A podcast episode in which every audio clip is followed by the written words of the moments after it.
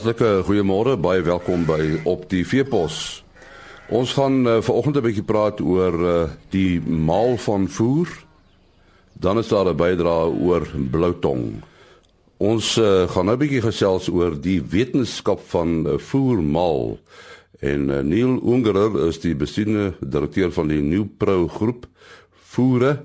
en uh, ons wil 'n bietjie met hom uh, gesels oor uh, voermaal. Uh, hoekom moet 'n mens uh, voermaal uh, wetenskaplik benader, Neil? En nie uh dit kan jou uh, waar jy dink dat jy baie geld kan spaar deur alself te meng, is die verhoudings waarin grondstowwe in 'n mengsel ingaan van uiterste belang en dit is dis belangrik vir die boer om dit nog steeds wetenskaplik te benader anders gaan die geldbesparing kan verander in 'n risiko wat dit om eerder geld gaan kos want as 'n proteïen energiebron en 'n veselbron nie wetenskaplik in balans is nie kan dit die dier uit uit die aard die saak benadeel.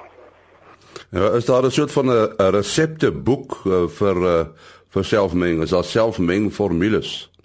Daar is verskillende selfmengformules, maar um, met presisieboerdery wat al meer van toepassing raak, is dit goed om 'n konsultant of 'n voedingskundige te gebruik wat by jou spesifieke omstandighede en jou spesifieke dier se behoeftes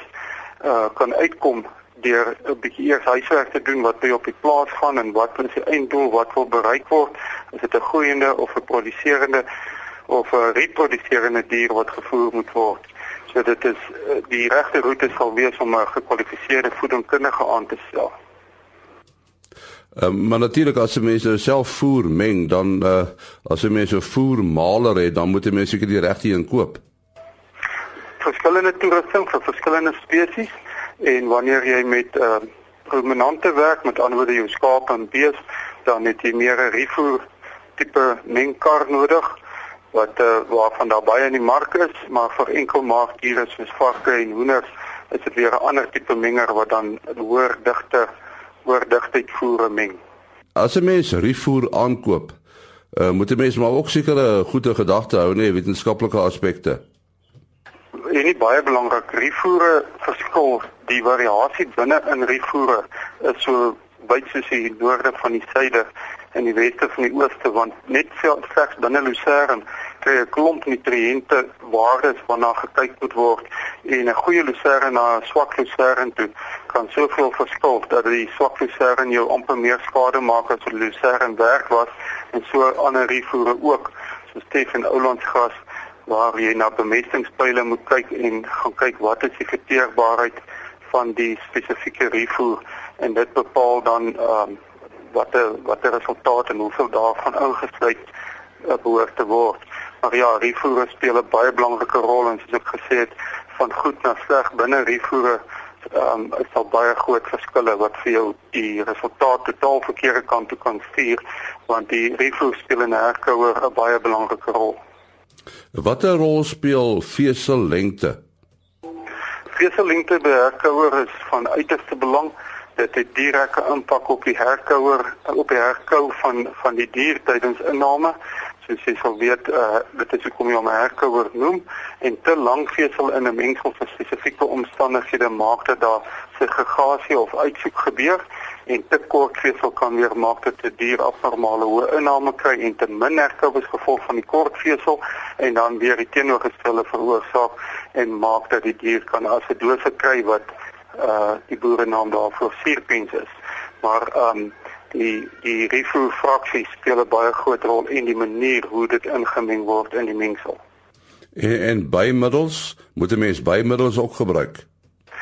Daar's verskillende bymiddels veral jy kry lewendige gisse wat jy kan toevoeg in die somer veral ons het nou 'n baie abnormale warm somer gehad en ehm um, jy kry lewendige gisselle wat jy kan aankoop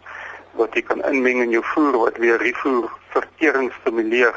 en die dier se stres ook kan um, bestuur en dan kry jy ook um, toksienbinders wat veral waar jy beperkte refoerbronne het en waar jy baie min keuses het uh en jy moet ongelukkig refoer tot jou beskikking gebruik dan kan jy ook toksienbinders gebruik as daai refoer verdag is wat betref of al mif in is of kouvoer wat te droog gesny is wat dalk toksienvlakke bo die normale perke is uh daar sou kan toksien binne 'n baie goeie rol speel om jou nog steeds te help om om rifoere te benut wat dalk um, abnormale hoë toksien vlakke het. Maar die aardse saak sal mens nou wil kies om nie uh rifoer te gebruik wat vandag is wat toksine betref nie, maar in die huidige jaar waarin ons is, raak die keuses al minder wat dit betref en moet jy baie kere maar gebruik wat jy het. So oor die jare wat jy betrokke is by rifoer maal, wat sê jy sê watter gebied was die grootste vordering?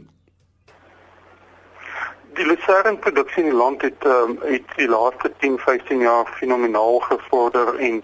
verander van ehm um, van wat dit was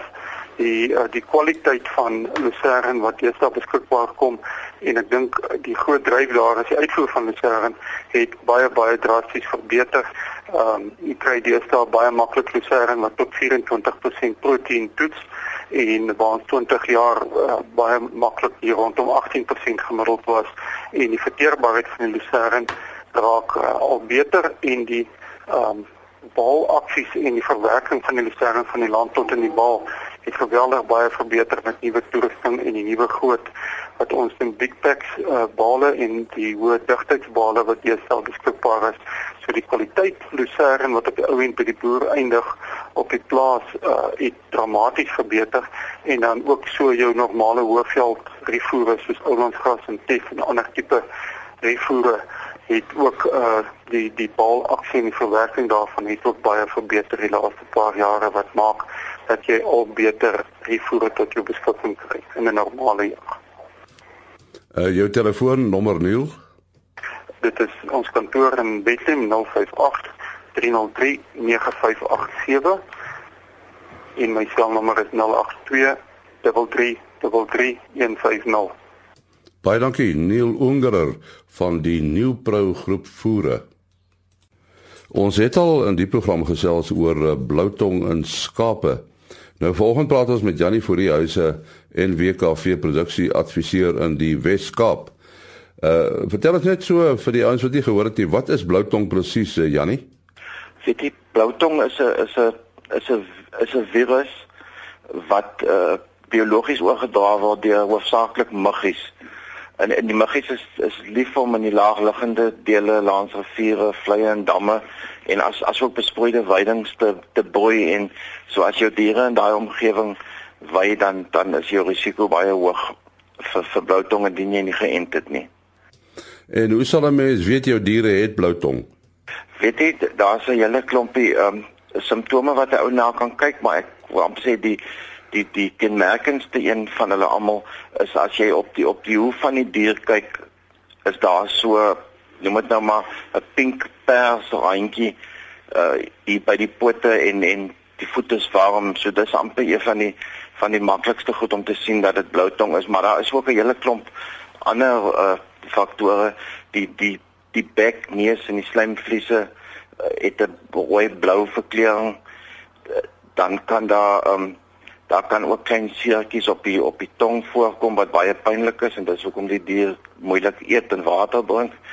En uh in sekere gevalle kan die tong ook ook op opswel en dan natuurlik jou diere baie hoë kos. En en uh, as 'n mens nou hierdie simptome sien, hoe behandel 'n mens die diere? Die heel beste behandeling is natuurlik voorkoming deur deur uh, spesifiek Augustus en Desember jou diere in in te en teen dit, maar indien indien jy reeds die siekte waarneem, is is die heel beste is is om die diere te onttrek van die veld af en dadelik in 'n plek met met skadu te sit. Uh, 'n sagte grondvoer wat wat maklik kan eet want hulle hulle monde is seer binne-in of uh, ou kan hoë kwaliteit uh, pilletjies voer pilletjies gee en dan ook vars drinkwater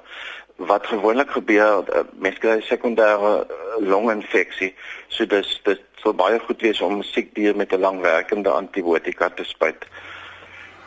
Uh en uh, is dit 'n probleem in julle area op die oomblik?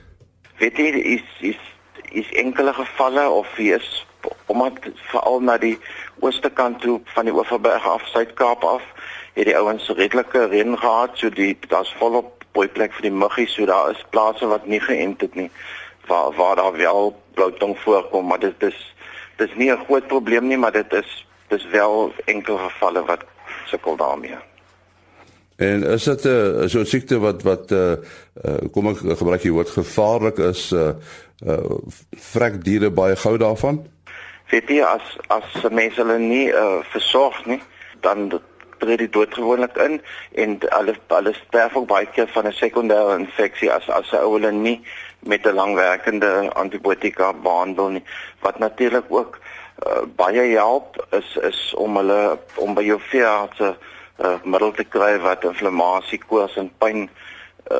'n breë spektrum middel wat inflammasie, koors en pyn dek en dit um, dit gaan ook dan nou help dat dat jou dier uh, gouer gesond word. Jy het gesê mense moet nou inent, maar as daar ander maatreëls wat 'n mens kan tref om die siekte te voorkom?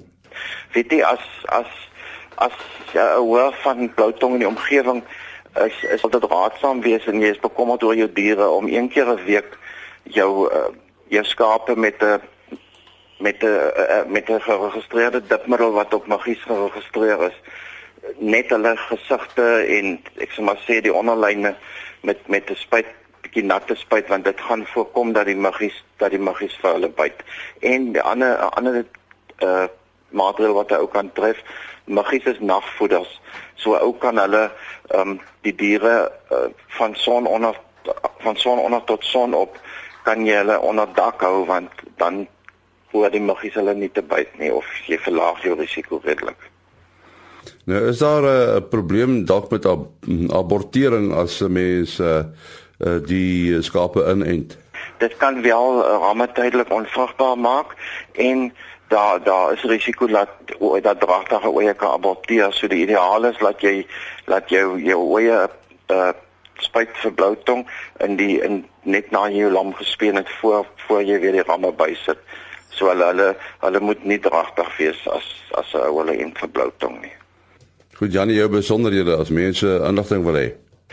Weet jy hulle is welkom om my te, te skakel. My selfoonnommer is 083 564 1105 of as hulle my e-pos wil stuur dis jannie@overbergwireless.co.za Baie dankie aan Jannie Fourie, hy's 'n NWKV produksieadviseur in die Wes-Kaap. daarmee ook die einde van vanoggend se program onthou op die Veepos word elke weekoggend om 4 voor 5 hier op RC uitgesaai. Maandagoggend is ons terug. Tot dan, mooi loop.